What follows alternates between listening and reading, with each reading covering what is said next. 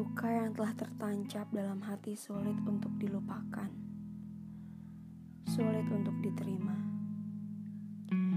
Mungkin melupakan luka adalah hal yang terdengar sederhana, tapi ketahuilah, proses melupakan tidak semudah membalikan telapak tangan, terutama melupakan luka lama yang terus membekas dalam benak dan jiwa.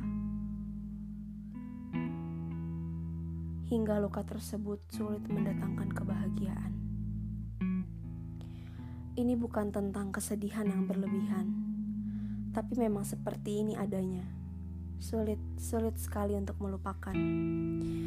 Karena bayang-bayang kecewa selalu menghujani memori. Dan tak terasa tangis selalu kembali di pelupuk mata dan naluri.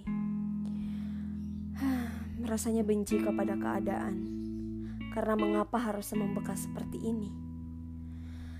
Saat diri dan hati menarik segala benci, tapi rasa sakit hati selalu datang kembali, seperti bersemayam dalam diri dan tak mau pergi.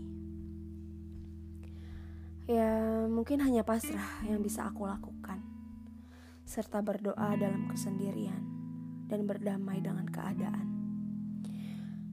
Lalu aku meminta kepada Tuhan agar dapat melupakan segala kekecewaan yang nantinya akan datang kebahagiaan selepas sedih dan kecewa berdiam.